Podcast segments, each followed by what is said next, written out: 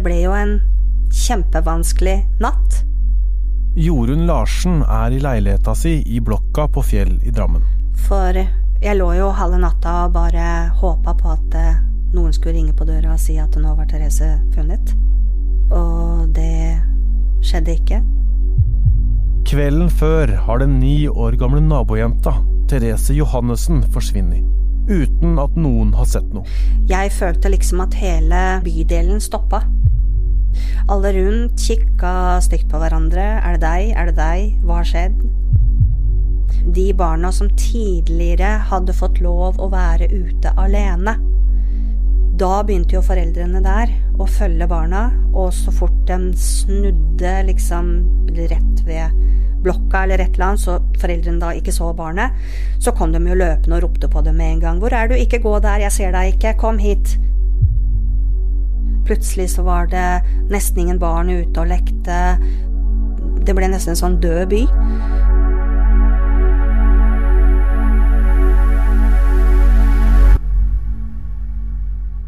Du hører på den andre episoden av Uløst om Therese-saken.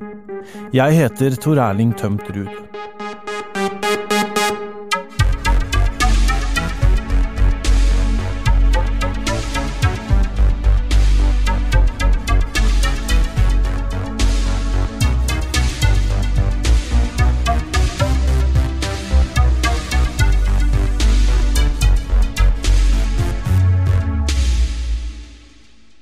Den 3. juli 1988 forsvinner ni år gamle Therese Johannessen fra blokka si på Fjell i Drammen. Therese-saken blir en av de mest etterforska sakene i Norges historie. I denne episoden skal vi se nærmere på opplysningene politiet hadde å jobbe med. Allerede første kvelden begynner politiet å samle informasjon.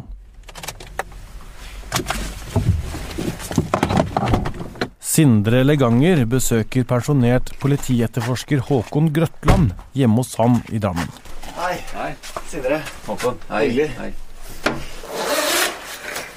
Håkon Grøtland kom tidlig inn i Therese-saken, og har med jevne mellomrom jobba med den fram til han gikk av med pensjon for noen år. Em, skal vi bare gå rett på sak? Kan vi godt Er det i orden for deg? Det er helt i orden. Therese-saken har fulgt meg helt siden første dag. Og tilfeldighetene spillet gjorde at eh, jeg eh, gjennom tida har blitt den som er eh, assosiert til Therese-saken når det gjelder norske politifolk. Og jeg kan aldri liksom legge den fra meg. Ok. Kan ikke du starte med å fortelle hvordan det var å være politi eh, i Drammen i 1988? Ja, I 1988, når dette her skjedde, så var jeg 30 år og hadde akkurat begynt eh, på kriminalavdelingen. Drammen var en mellomstor by i Norge som eh, var i ferd med å bli litt sliten. Byens flaggskip Strømsgodset lå nedover i divisjonene. Eh, Det var et trafikktetthet som holdt på å kvele byen. Mange omtalte jo Drammen som Norges største veikryss. Før 88 hadde Håkon for det meste jobba med spaning og etterforskning av små narkotikasaker. Jeg var veldig urutinert og fersk i, i gamet. Jeg hadde aldri øh, vært med å etterforske store, alvorlige saker. Så, så særlig det omfanget som det ble her, det var jo helt ukjent for meg.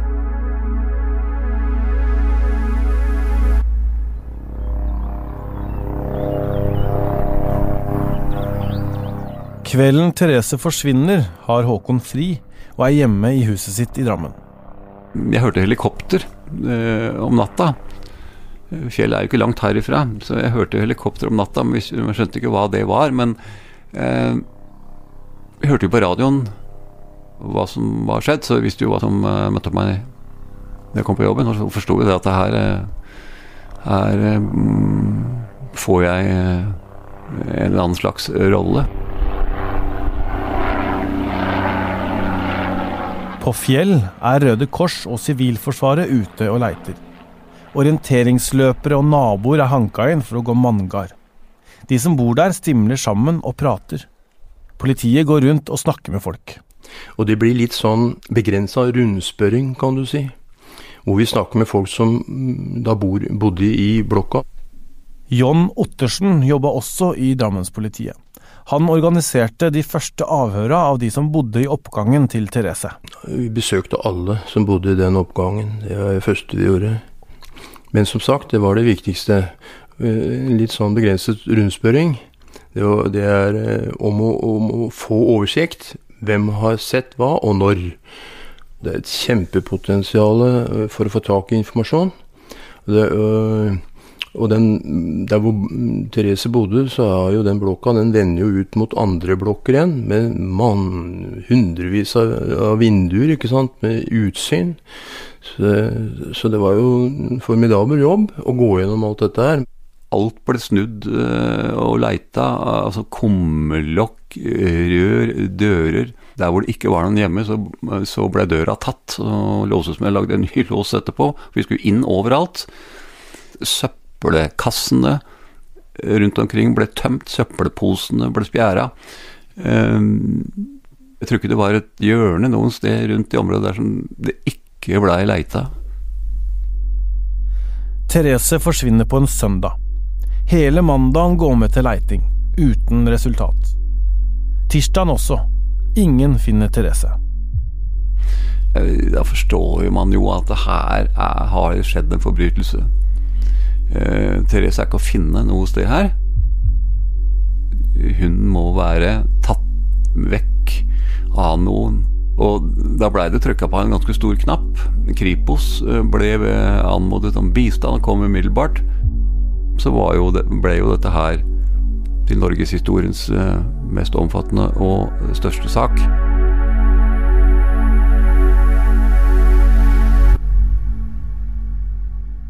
Politiet gikk tidlig ut i media og ba publikum om hjelp. Allerede første natta ga de et ark med bilde og info til drosjer og bensinstasjoner i Drammen, og Therese blei etterlyst på nærradioene. Det gir politiet masse tips, og det blir en svær jobb å sortere og gå gjennom dem. Håkon Grøtland fikk etter hvert jobben med å sette sammen en tidslinje for hva som hadde skjedd i timene før Therese forsvant fra Fjell. Jeg vet ikke hvor jeg fikk ideen fra, men eh, i alle fall så var det en journalist i Drammens Tidende som hadde tatt flyfoto av bydelen. Så jeg brukte et av de eh, bildene han hadde tatt, og fikk lagt det over på overhead-transparent. Slik at jeg da tegnet inn personer og biler med fem minutters intervaller og brukte forskjellige fargekoder, alt ettersom om de var identifisert eller ikke. Men da, ved hjelp av de overhead-transparentene, så kunne jeg også da på uh, morgenmøtene, hvor alle etterforskerne var der, uh, vise opp det på tavla. Hvordan det så ut. Bevegelsene. Og etter hvert så ble jo alle de kjøretøyene og personene som innledningsvis var ukjente, ble jo kjente eh, etter hvert som etterforskninga um, gikk videre. Politiet deler etterforskninga opp i det de kaller prosjekter. Et prosjekt om biler, et prosjekt om blokka, et prosjekt om mistenkelige personer. Totalt var det 81 store og små prosjekter. Et av de viktigste prosjektene dreier seg om kiosken ved det lille butikksenteret rett ved blokka der Therese bodde. Politiet finner ut etter hvert at Therese var innom kiosken flere ganger kvelden hun forsvant. Så en av de første vitnene jeg snakka med, og som jeg fortsatt tenker på en dag i dag, det er en kvinnelig ekspeditør. Tidligere politimann John Ottersen avhørte hun som jobba i videokiosken. Hun eh, ekspeditøren kjente Therese godt. Og hun unge jenta her, hun hadde eh, kommet opp med at hun hadde ekspedert Therese. Therese hadde vært og handla i videokiosken. Og den beskrivelsen hun gir, det gikk på at hun hadde handla helt spesifikke godterier. Det var sjokolade av type slag, og også en halvliter flaske med cola. Og så var jo spørsmålet hvordan fikk hun med seg dette? Ja, hun hadde lagt oppi en hvit bærepose. Og det er gode opplysninger å få. Sjokolader. Vi vet jo åssen de forskjellige sjokoladene ser ut. Papir, eh, hvit bærepose og sånne ting. Og så er spørsmålet hvor sikker er du på at det var da og da? Politi undersøker kassaapparatet og finner kassastrimmeren. Der finner de kjøpene til Therese, men strimmeren har ikke klokkeslett. Politi sporer opp de andre kundene som handla før og etter, og lander etter hvert på at den siste handleturen til Therese må ha vært i tidsrommet rundt halv åtte. Omtrentlig 1930. Det er ikke, det er ikke snakk om noe stort slingringsmonn ut fra det, altså. Det er ett, to, tre minutter før og etter. Ikke noe mer. Det er klart at da hadde vi en observasjon som var ganske sikker. Og da tenkte vi videososken er det siste. Men så dukker det opp et nytt vitne. En ung mann som mener han har sett Therese seinere på kvelden. Ja, det er altså en soldat som eh, bor i blokka til Therese, som er med og leiter etter Therese den kvelden hun ble borte. Men han vet ikke hvem hun er da. Men han er med og leiter for det, for alle andre gjør det. Soldaten er stasjonert i Bardufoss, og tre dager etter Therese forsvant, drar han opp dit. Hun reiser tilbake til leiren med fly, og ser, leser i avis, og da ser han bildet av Therese. Da kommer han på noe. For så han ikke den jenta søndag kveld?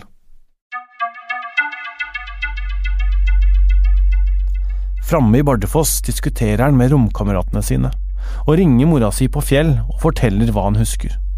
Hun tar kontakt med politiet. Så han blir da avhørt av lensmannen der oppe i Nord-Norge, hvor han er i militæret, og forteller om den observasjonen han har gjort.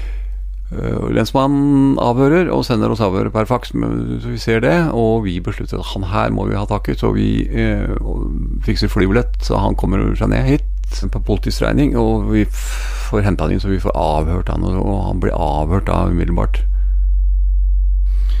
Og så fikk jeg jobb med å ta imot han. John Ottersen avhørte soldaten.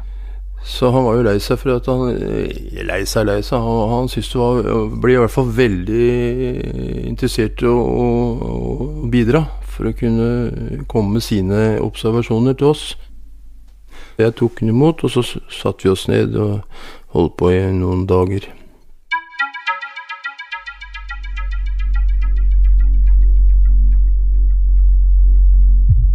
Soldaten forteller at kvelden Therese forsvant, hadde den vært på bingo.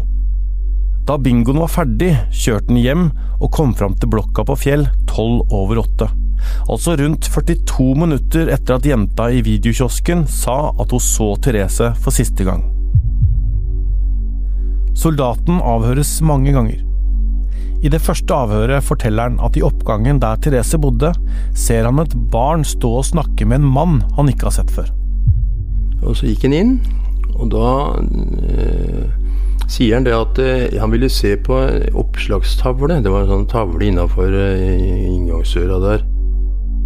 Så han sto og leste der, så mens han, mens han sto og leste, så hørte han en samtale med en mann og så en jenta. Og så snudde han seg for å gå opp. Og da gikk han forbi dem, og da eh, Når han passerte Det er et sånt repo før trappa snur og vender 180 grader.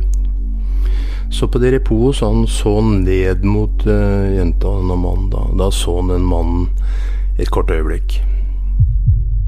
I det første avhøret snakker soldaten om en mann og ei jente, uten å kunne gi noe særlig nærmere beskrivelser. Men uh, etter hvert som avhørene fortsatte, så, så kunne han fortelle mer og mer.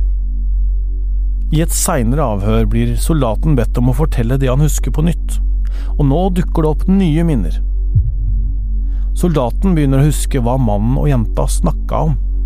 Og den samtalen gikk ut på at uh, han var litt pågående. Han ville ha med seg den jenta. Mens jenta sa at uh, jeg, jeg må spørre mamma først. Det er så seint, så kan vi ikke gjøre det. Hvorpå han mannen sier at uh, moren din vet jo hvem du er sammen med. Og vi, hvis vi ikke drar nå, så rekker vi ikke et eller annet. Eh, hvor hun sier at 'jeg kan ikke'. Jo, det kan du. Mamma veit jo hvor du er. Og det er en eh, fredelig dialog som nærmest høres ut som en slags Om ikke overtalelsessituasjon, men eh, som om han eh, ber henne bli med.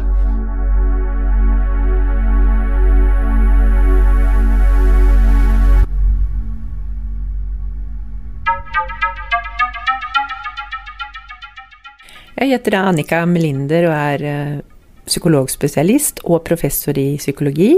Og jeg har jobbet med vitnepsykologiske problemstillinger i 15-16 år. Annikas spesialitet er minner, og hvordan vi lagrer og henter fram informasjonen fra hukommelsen vår. For se for deg en helt vanlig søndag, for eksempel forrige helg.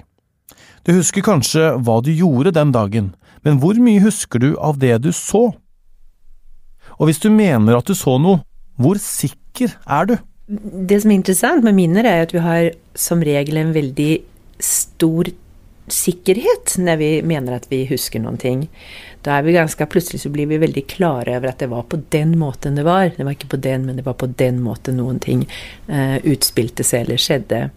Så vi er ganske sikre på minnene som vi har, og så vet vi at vi er faktisk like sikre på minner som ikke viser seg å være sanne, som på minner som viser seg å være sanne. da. Jeg tror at det er en stor fare for at man manipulerer sine egne minner når man ikke har tenkt på en ting på veldig lang tid, og så plutselig begynner å tenke på den, og det kommer til flere og flere minner. Da er det fare for at det er noen riktige elementer der, og at det er ganske mange ikke-riktige elementer der som blandes sammen med andre situasjoner som kan være lignende den situasjonen. Ikke sant? Eller som, kan ha, eller som, kan, man, kan ha, som kan assosiere denne eh, situasjonen med. Eh, så da vil jeg si at man skal være skeptisk. Vi er ikke som en videokamera. Vi legger til og trekker fra og glemmer og blir påvirket. Så jeg vil si at vår hukommelse er nokså subjektiv.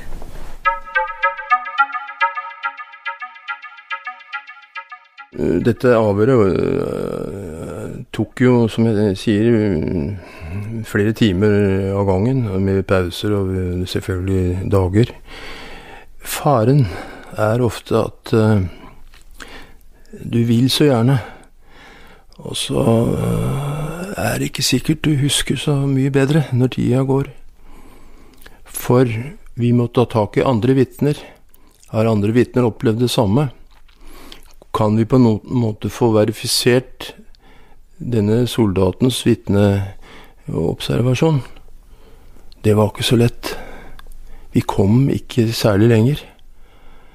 Og det blei veldig motstridende mm, opplysninger her. Jenta i kiosken hadde jo fortalt at Therese hadde handla der rundt halv åtte. Soldaten kommer hjem tolv minutter over åtte. Da har vi 42 minutter. Hva har skjedd? Hvis det skulle vært riktig, hvis man skulle lagt den til grunn, den soldatens observasjon, så er det altså et tidsrom på 42 minutter hvor Therese er borte. Og de andre ungene er og leker i området. Det det, det, det er umulig. At han har sett Therese, eh, det er ikke tvil om. Men det er ikke sikkert det er den dagen. Fordi det er 40 eh, minutter for seint. Therese er allerede borte. Nei, jeg er veldig usikker på. Jeg har sett det i ettertid. Jeg har lest disse avhørene i ettertid. Jeg ser det nå. At det kan Han ville så gjerne. Han var en fin fyr, absolutt. Og, og, og mente at dette her var Therese.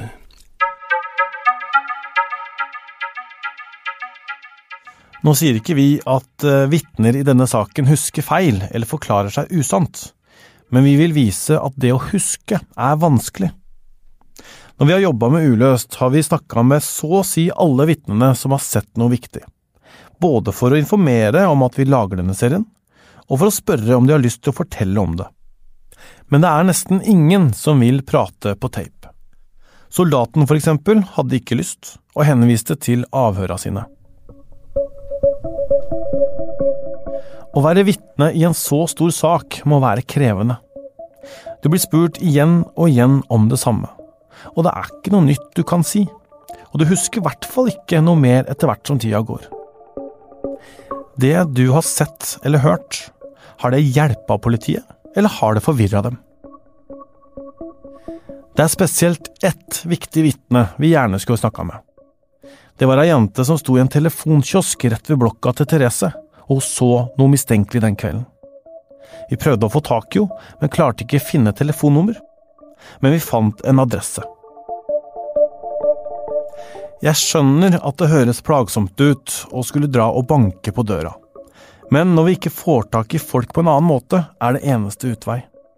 Folk skal få et tilbud om å fortelle historien sin hvis de har lyst. Så da dro Kristine Hellesland og Anniken Vatne fra redaksjonen vår for å banke på. Etter hvert kom det ut en mann. Han forklarte at vitnet vi ville ha tak i, ikke ville snakke med oss. Han likte ikke at vi var der, så da gikk de tilbake til bilen. Noen dager etter så ringer han til VG for å klage, og legger igjen telefonnummeret sitt. Og jeg ringer opp. Hallo? Hallo, ja? Ja, hei, dette er Tor Erling Tømt Ruud fra VG som ringer. Ja. Hei. Eh, hei. Eh, vi ble oppringt i dag tidlig, vi. Ja. Dette nummeret. Ja. Ja. Hvem er det du snakker med? Det viser seg at dama i telefonen er vitnet vi har prøvd å få tak i. Hei. Hei. Hun vil ikke at vi skal bruke navnet hennes. Eh, og da var det en, det var en mann som ringte. Eh, Ja, vi ble oppsøkt her på lørdag. ja. Mhm. Jeg skjønner ikke helt når, når ikke jeg har svart på noen ting. Da. Jeg var ikke så interessert i å blandes inn, kan du si, for jeg har vært plaga ganske lenge. Ja, jeg skjønner det. Eh, det var vel eh, sånn at vi ikke hadde fått eh, noe eh, mulighet til å, til å si hei til deg, liksom. Sånn at vi ville prøve å se om, du, om vi kunne få snakke med deg når vi, når vi banka på. Mm. Vi snakker sammen, og jeg får forklart hvorfor vi var der. Mm. Så beklager jeg at det ble litt ubehagelig, men da håper jeg at vi er, at vi er venner nå. Ja da. Det, det, det, det går jo greit. Ikke sant? Jeg spør om det er greit at jeg tar opp samtalen, og om vi kan bruke opptaket. Og er det greit at vi kan bruke det uten at vi sier navnet ditt? Ja. Ja. Eh, men når jeg har deg på tråden mm. eh, Denne saken, altså vi lager en, en radiodokumentar om, eh, om Therese-saken. Ok. Ja. um, og og det, vi går gjennom på en måte hele historien helt fram til nå. Ehm, Og så har jo vi sett ikke sant, i, i eh, altså de gamle, gamle pa pa papirene, så, så kom jo ditt navn fram. Det var egentlig bare derfor vi ville høre med deg. Om du ville fortelle om, om den, den opplevelsen du har hatt, da. Ja, det er eh, ikke noe ålreit å være innblanda, kan du si. Nettopp. Er det sånn at du husker, husker klart hva som skjedde, eller? Du, jeg husker ganske mye. Ja. Jeg gjør det. Det er ting jeg ikke glemmer, egentlig. Eh, Og det livet en lever etterpå, det er heller ikke noe Har ikke vært noe ålreit, egentlig. Vitnet forteller at kvelden Therese forsvant, sto i en telefonkiosk like ved blokka til Therese. Hvor gammel var du da? 16. 16 år, ja. Nettopp. Mm. Og sto liksom bare i telefon. Ja, jeg var i telefon, det høljregna, så jeg kunne ikke eh, gå ut, da. For jeg hadde på skinnjakke som kunne gå ut.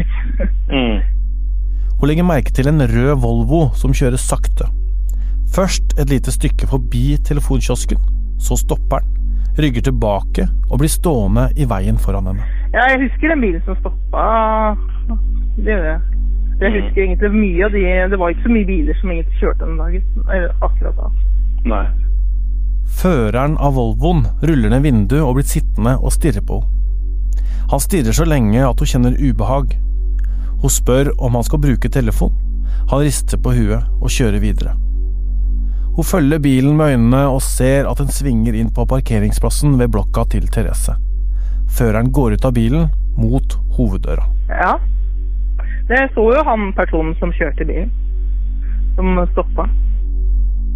Med utgangspunkt i det hun ser, blir det laga en tegning av en mann som blir trykka i avisene. Mannen på tegningen har mørkt, halvlangt hår og et arr under øyet. Han blir kalt Mannen med arr. Jeg skjønner. Hva, var det du, hva, ønsker du, hva, hva ønsker du skal skje med denne saken nå? Egentlig så skulle jeg bare ønske at de fikk oppklart hele saken. Og fått tatt uh, vedkommende og funnet jenta. Mm. Mm.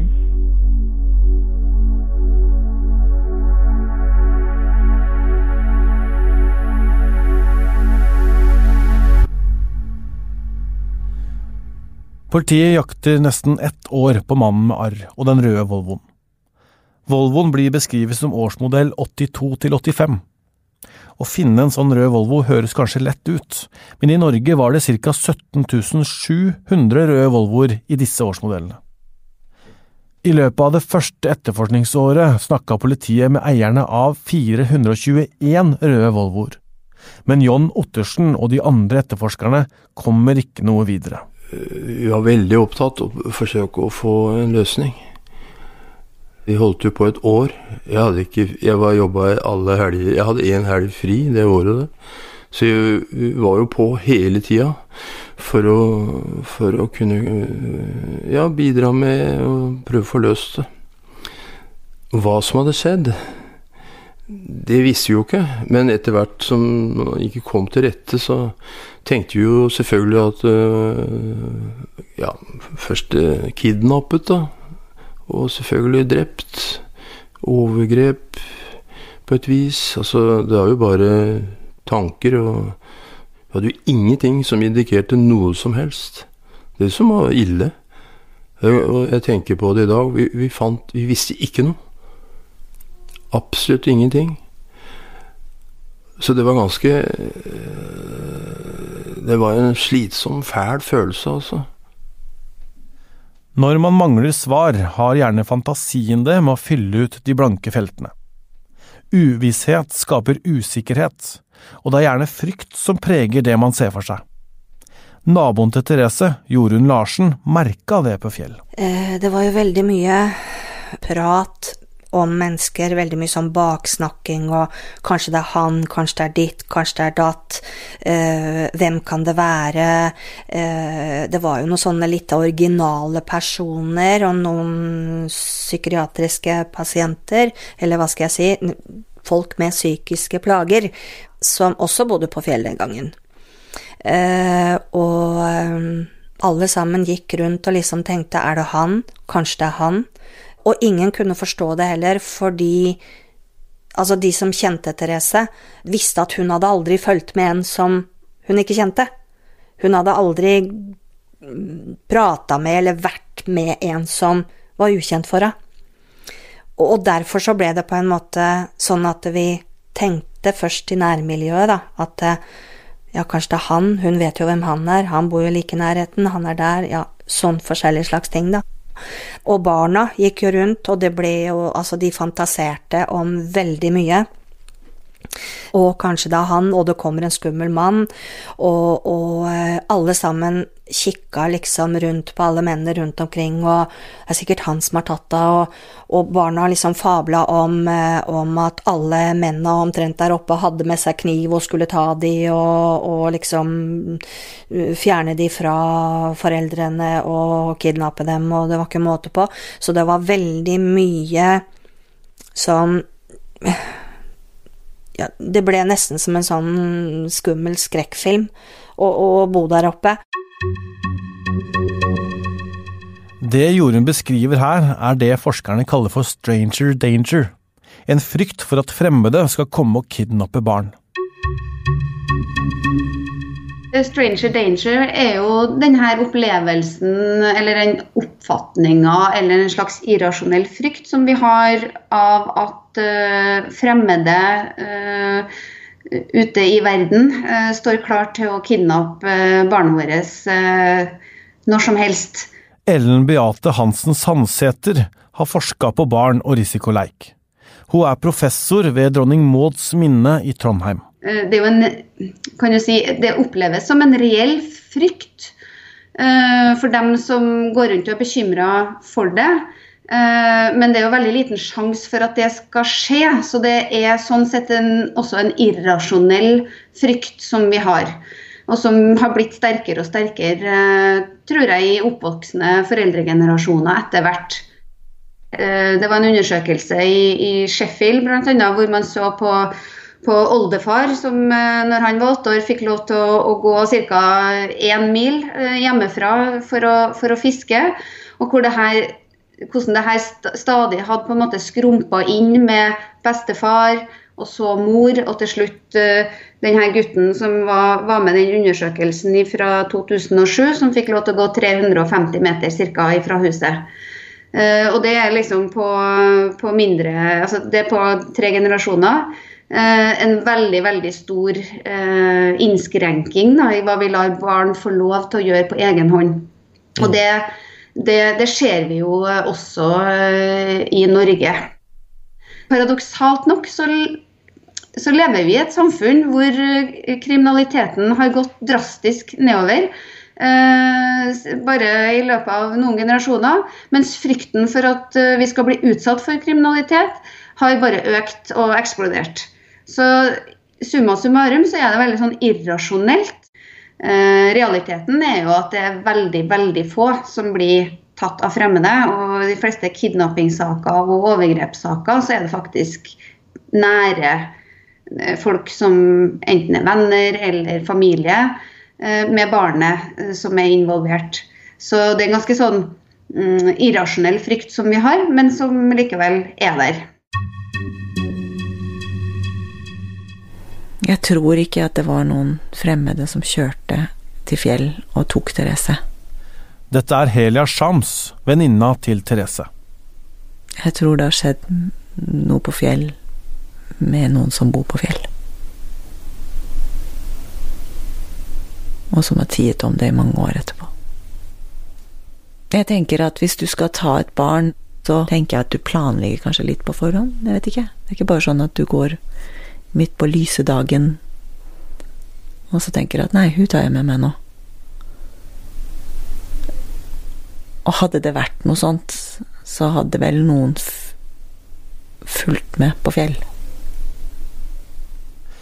Etter ett år med leiting må politiet og John Ottersen innfinne seg med at det ikke har kommet noen vei.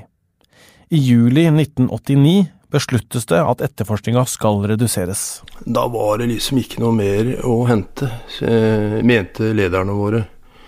Så det ble beslutta å legge ned. Legge bort saken. Uten noe som helst mer. Og det var jo Vi ville jo ikke det. Vi protesterte jo mot det. vet du. Men det, det, var nok kanskje like greit å avslutte. det var ikke noe fornuftige videre etterforskningsskritt, mener jeg å huske. Bortsett fra ett.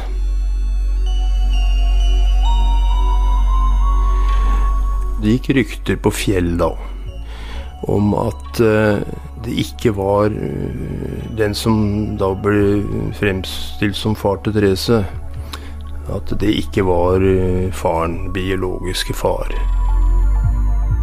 Disse ryktene da, hadde vi snakka med, mente at uh, mor til Therese hadde hatt et forhold til uh, en pakistansk mann før hun traff uh, den som var faren til Therese.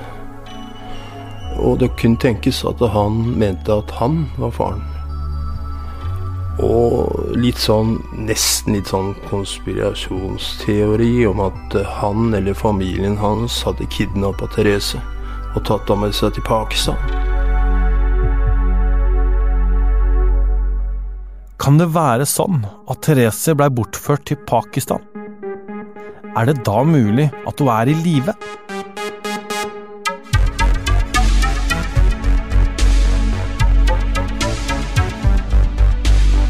Uløst lages av VG og Rubicon. Vi som er med, heter Kristine Hellesland, Sindre Leganger, Katinka Rondan, Anniken Vatne, Nikoline Mevasvik Haugen og jeg, Tor Erling Tømterud. Hans Kristen Hyrve har laga musikken. På sida vår på vg.no kan du annet se tegningen med mannen med arr. Og vi takker for alle spørsmåla vi har fått. Fortsett å sende inn spørsmål.